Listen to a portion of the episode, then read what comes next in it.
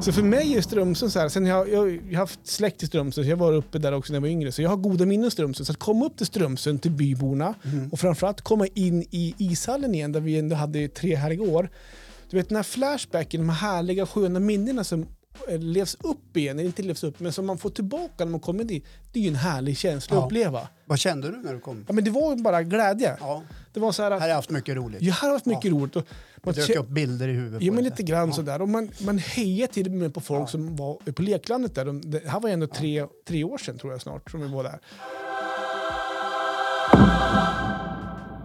Du kanske håller på i en och en halv timme sådär. Spring på toa. fram och Allting tillbaka. kanske också beror på vad du har proppat i det. Ja, just det. Ja. Så har du överätit så är inte det någon bra idé. Ja, just det. Nej. Man kan ju planera här lite grann. Ja, precis. Man kan vara lite klok i sin, Ja, just sin det. planering. Ja, det kan man vara. Så att man inte har tryckt liksom, två kebabrullar, en hamburgertallrik och en pizza. Nej, för det brukar man göra ganska Ja, det ofta. finns ju de som gör ja, det. Ja, ja, Ja. visst.